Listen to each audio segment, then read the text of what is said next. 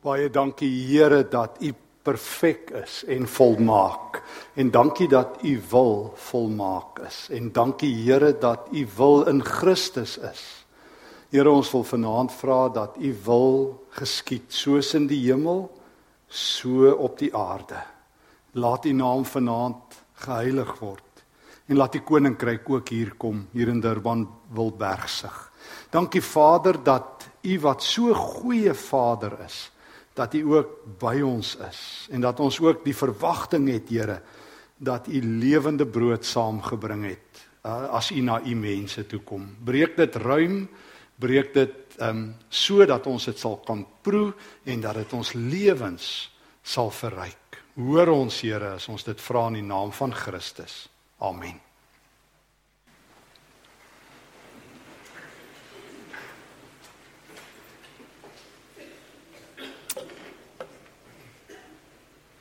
Ons um, tema vanaand is om ligter te reis, om ligter te reis saam met genade. En ek dink ons almal ehm um, weet van van liedjies soos Miskien sal 'n klomp van ons nog onthou, daar was so so lied 'n paar jaar gelede Walk Like an Egyptian. Onthou julle? En ek onthou daar in die uh, die diep Wes-Transvaal was daar 'n liedjie wat genoem was die leeuloop. En dan is daar al sulke ander liedjies gewees soos Gangnam Style en al sulke dinge. Maar feit is baie mense ken jy uit aan hulle loop of dit nou 'n leeu is of dit nou 'n Egiptenaar is of dit nou Gangnam Style is, maar mense het 'n soort loop aan hulle. As julle en ek 2000 jaar terug geleef het en ons sou in die Romeinse ryk gewees het of in Galilea of in Judea, dan sou dit tweede natuur gewees het want in die Romeinse wêreld was daar vaste reëls oor hoe loop mense. Trouwens jy's van kleins af geleer dat ehm um, hoe jy loop wys jou karakter.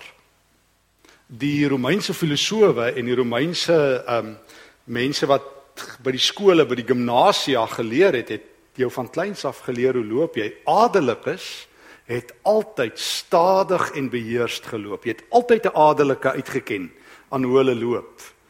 Die um, die spreekwoord wat vir die adellikes gegeld het, wat het die Romeinse keiser Augustus het die uitdrukking gehad in Griek, spiudei bradaios, wat letterlik beteken uh, vinnig stadig.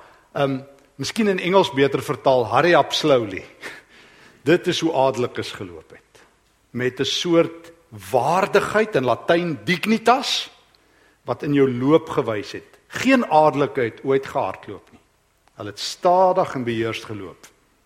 Vroue het altyd met hulle oë op die grond geloop. Vroue het nooit na mans gekyk nie. 'n Goeie vrou was met haar oë op die grond en het gestap in die rigting waarna sy moes stap. Slawe het altyd gehardloop. Trouwens ons het in Latyn die uitdrukking uit die eerste eeuse tekste servus currens the running slave die hardlopende slaaf. Slawe hardloop, hulle skanier soos mure, hier daar en deur. 'n Slaaf wat nie hardloop nie, werk nie. So slawe is hastig, hastig, hastig, busy, busy, busy. Die interessante is en dit het het um, kom ons nou die afgelope paar jaar maar eers agter dat um, van 'n daar bietjie nuwe in my veld op bietjie as ek my akademiese hoed op het, het die ouens baie navorsing gaan doen oor hoe mense loop in die Bybelse wêreld, in die Romeinse wêreld, in die Griekse wêreld, in die Joodse wêreld. En toe kom ons agter tot ons skok dat ons een groot ding gemis het by Markus in die Markus Evangelie. Lê Markus geweldig klem op hoe Jesus loop. Trouwens, die Jesus loop is baie duidelik. Jy sal agterkom as jy nou Markus lees met sy ehm um, ehm um, 16 hoofstukke dat Jesus die heeltyd beweeg, die heeltyd van Markus 1 af. Sal jy as jy die Afrikaanse Bybel lees, sal jy die heeltyd die woord sien dadelik. Um, skaars het Jesus daar in Markus 1 sê nou maar die melaatse genees of jy hoor dadelik hy was dadelik in die sinagoge en toe sien hy Petrus se skoonma siek en dadelik is die koors weg en dadelik trouens 44 keer kom die woord dadelik in die Grieks in Markus voor. Baie minder by Matteus en Lukas en by Johannes. So die beeld wat ons van Jesus het, is dat hy haastig is. En nou weet almal van ons as jy die as jy in die eerste eeu geleef het, die enigste mense wat so geskaneer het was slawe. So almal wat na Jesus gekyk het, sou gesê het, maar hy hy, hy tree soos 'n slaaf op. En uiteindelik in Markus 10 sê Jesus dit. Ek het nie gekom, onthou julle Markus 10:45 om gedien te word nie, maar om te dien. So Jesus praat nie net die taal nie, maar hy is die slaaf van God uit die hemel. En daarom is Jesus haastig. Jesus doen die haastige en hy doen die genadeloop. Maar ek wil nie vanaand by Markus stil staan, ek wil dit net so inlei. Maar ek wil graag vanaand saam met jou aansluit by Lukas 9, by Jesus se genadeloop. En as jy nou as ons nou weer ons koppe skuif en ons lees Lukas. Lukas het nou weer sy evangelie anders teruggemaak as Markus. Selfe boodskap, maar hy het ander klem. Ten minste is hy 24 hoofstukke lank. En terwyl Markus uh eintlik vir ons baie sterk klem wil hê op wie Jesus se identiteit. Trouwens Markus sê net twee keer Jesus sterf vir ons sonde, maar hy wil baie vir ons sê Jesus is die seun van God en hy is die seun van die mens. Wil Lukas vir ons wys hoe Jesus op reis is. Die Jesus loop, die genade loop, veral van hoofstuk 9 tot hoofstuk 19. Reis Jesus. Is hy op pad Jerusalem toe? Al daai hoofstukke is Jesus op pad. En hy doen dan die sogenaamde genadeloop. Maar julle, daar gebeur 'n verskriklike ding en kom ek lees gou net die teks saam met julle. Ek wil daar vanaf vers vers 56 of vanaf um, vers 51 lees. Toe die tyd nader kom dat Jesus in die hemel opgeneem sou word, het hy vasbeslote die reis na Jerusalem begin en boodskappers voor hom uitgestuur. Hulle het vertrek en in 'n dorp van die Samaritane gekom om daar vir hom verblyf te reël. Maar die inwoners wou hom nie ontvang nie want hy was op pad na Jerusalem toe. Toe die twee disippels Jakobus en Johannes dit sien, sê hulle: "Here, wil U hê ons moet vuur uit die hemel afroep om hulle te verteer?" Maar hy het omgedraai en hulle skerp tereggewys. Daarna het hulle die reis voortgesit na 'n ander dorp toe.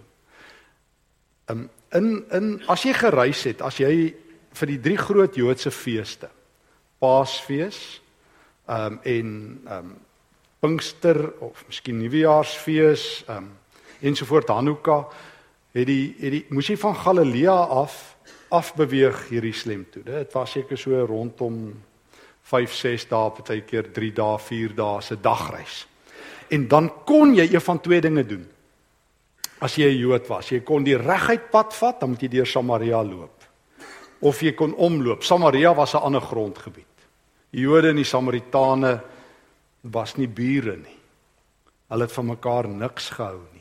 So alle Jode het 'n dag langer omtrent gestap. Hulle wou nie deur Samaria stap nie. Geen goeie Jood loop deur Samaritane se gebied nie. Ons het sulke tekste wat as die Jode nou so reis en hulle kom in die Samaritaanse dorpe, dan sluit die Samaritane hulle winkels. Dan sê hulle closed for business. Ons doen nie besigheid met Jode nie. En die Jode sê ons wil in elk geval ook nie met julle besigheid doen nie. So die Jode en die Samaritane het mekaar gehaat. Raai wat doen Jesus? Hy loop deur Samaria. En raai wat gebeur as hy in Samaria kom? Die eerste dorpie toe hulle hoor Jesus is op pad Jerusalem toe sê hulle closed for business. Kantore is toe. Daar gaan nie besigheid wees nie. En dan gebeur daar 'n verskriklike ding. Daar gebeur 'n verskriklike ding. Twee van Jesus se disippels, Johannes en Jakobus, wil ietsie daaraan doen. Want jy sien, jy en ek is nie so genadig soos Jesus nie. Jesus doen die genadeloop, maar daar's iets in godsdiens wat maak dat baie godsdienstige mense en ek vang dit elke keer by myself dat ons nie so genadig is nie. Ek onthou 'n bekende skryfster Nadia Bolts Weber, sy het onlangs 'n um, boek geskrywe oor oor oor um, um um uh, genade. Sy sy vertel um, um in in in hierdie boek van van van van haar, ek wil dit net 'n stukkie kry, ek wil dit gou lees, dit sal ook daar op die skerm wees. Vertel Nadia Bolts Weber hoe um um iemand vir haar vra uh, en sy's nogal uitgesproke as jy haar boeke lees, ek wil waarsku as jy ooit Nadia Bolsweber lees, ehm um, wees dapper, sy uh, noem 'n ding soos 'n ding kom.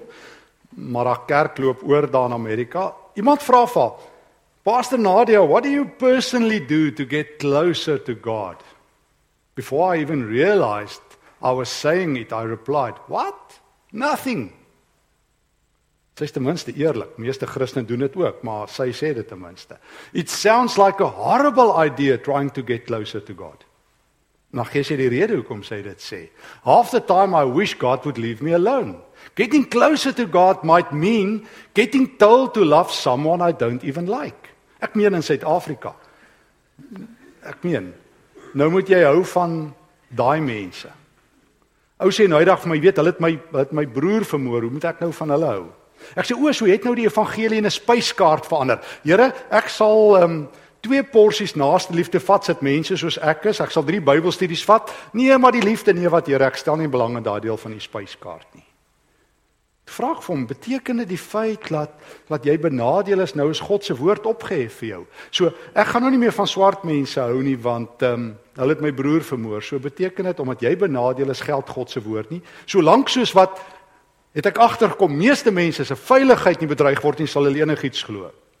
Maar die oomblik hulle veiligheid bedreig word dan sê hulle veiligheid eerste die Here tweede. Sodra hulle kultuur bedreig word, kultuur eerste God tweede. Um genade is nie iets waarna ons uitblink nie. Getting closer to God might mean loving someone I don't like or giving away of my, some of my money.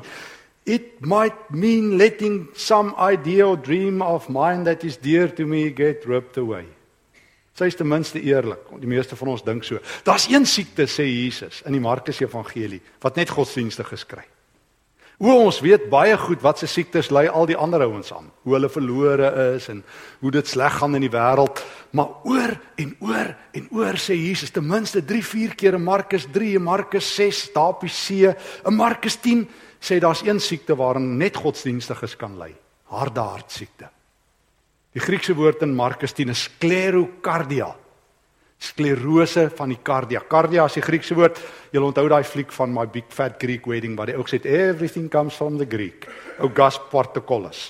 Nou alles kom van Grieks af. So die woord kardia vir die hart, sklerose met ander woorde verharding van die hart sê Jesus vir die godsdienstige fariseërs as hulle met hom stry oor egskeiding. Dan sê julle ly aan sklerokardia. Hy sê dit vir sy disippels daar op die see as hy die net nadat hy die brood vermeerder het en op die see loop. Hy sê dit vir die godsdienstige leiers daar in Markus 3 net nadat hy die man met die ehm um, genees het op op die Sabbat. Julle ly aan harde harte. Ons doen nie die genade loop nie. Ek onthou in Matteus 18 Ehm um, sê Petrus, nee wag Here, dis nie heeltemal waar nie. Nee wag Here, u sien die ding werk so die Jode, hoeveel keer vergewe hulle nou weer? Matteus 18, hoeveel keer is 'n Jood bereid om jou te vergewe? 3 keer. Het die rabbies gesê, dan daarna ehm um, kan jy so 'n bietjie begin sê nee nee, my um, my genade is nou op. En toe kom Petrus na Jesus toe en hy sê, Here, kyk ons is goeie mense, Here. Jy moet daarom weet nie. Kyk, ons vat dit op 'n volgende vlak. 3 maal 2 plus 1, 7 keer sal ons vergewe. En Jesus kyk vir Petrus so en hy sê Petrus, wat praat jy? Wat praat jy? Jy onthou in daai geval in Matteus 18 vertel Jesus om die storie van die ou wat 10000 talente skuld. Gisterand het ons of wanneer het ons mekaar gesê die Romeine het belasting gehef. Jy onthou toe ons by toe ons by die oom in die boom was. Wat uit die boom uit in die koninkryk ingeval het, die maffia baas van van van Jerigo. Uh hy was die ou wat die belasting ingekry het. Toe het ek vir julle gesê die belasting wat van twee Romeinse provinsies gekom het was 600 talente per jaar. Hierdie ou van wie Jesus vertel skuld 10000 talente. Dis ongeveer 270 miljoen rand. Ek weet nie wanneer laas jy so baie geskuld nie. Dis baie. Ehm, um, dis baie geld. Hy skuld 270 plus miljoen rand en en nou roep die koning hom in of die eienaar en dan val hy daar neer en hy smeek om genade en hy, en hy sê toe maar dis afgeskryf, jy hoef nie meer te betaal nie. Julle, weet jy hoe baie geld is dit om vir ou voor te vergewe? En dan stap hy daai ou net daar uit en dan trap hy 'n man vas wat hom 'n halfjaar se geld skuld en hy gooi hom in die tronk. Ons is nie so genadig soos wat ons dink nie. Ons is so godsdienstig, ons stik daarvan. Ons is so godsdienstig, ons gaan dood daarvan. O, ons weet wat is reg en verkeerd. Um godsdienstige mense weet baie meer wat reg is of wat wat verkeerd is met die wêreld as wat reg is by God. Ek het nou eendag by Engelse kerk vir ons gesê we are much better at sin spotting than at God spotting. Hoe ons kan sondes 1 2 3 sien, synodes kan vergader en kerkrade kan bekommerd wees, maar om God raak te sien, om genadig te wees. En nou is ons terug by ons storie. Um Lukas 9. Johannes en Jakobus kom in die Samaritaanse dorp en die in die dorpie sê vir Jesus Jy is nie welkom nie. En en wat doen Johannes en Jakobus? Ehm um, hulle is twee van Jesus se binnekring disippels. Hulle het 'n interessante bynaam, ek wonder of jy kan onthou in Markus 3 vers 17. Boanerges. Letterlik vertaal seuns van die donderweer.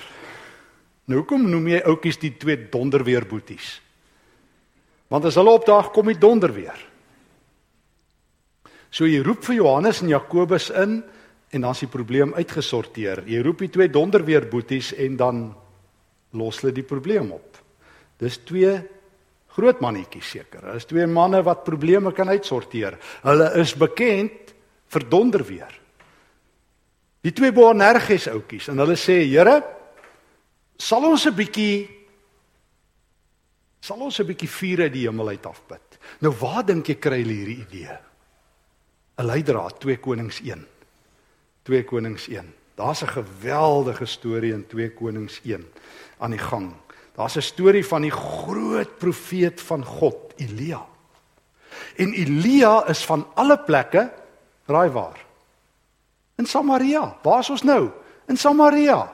En 2 Konings 1 open met hierdie geweldige storie van koning Ahasia. Ek gaan dit nou net jy jy kan dit gaan lees. Koning Ahasia word siek en hy gaan raadpleeg Baal Ekron en Elia hoor daarvan en Elia sê die koning sal sterf. Die koning vervies hom en hy stuur 50 van sy soldate plus 'n offisier en hy sê gaan haal hy Elia. Wat doen Elia? En toe daai 50 plus 1 aankom, toe sê hy, "Let dit reën," maar toe laat hy vuur op hulle reën.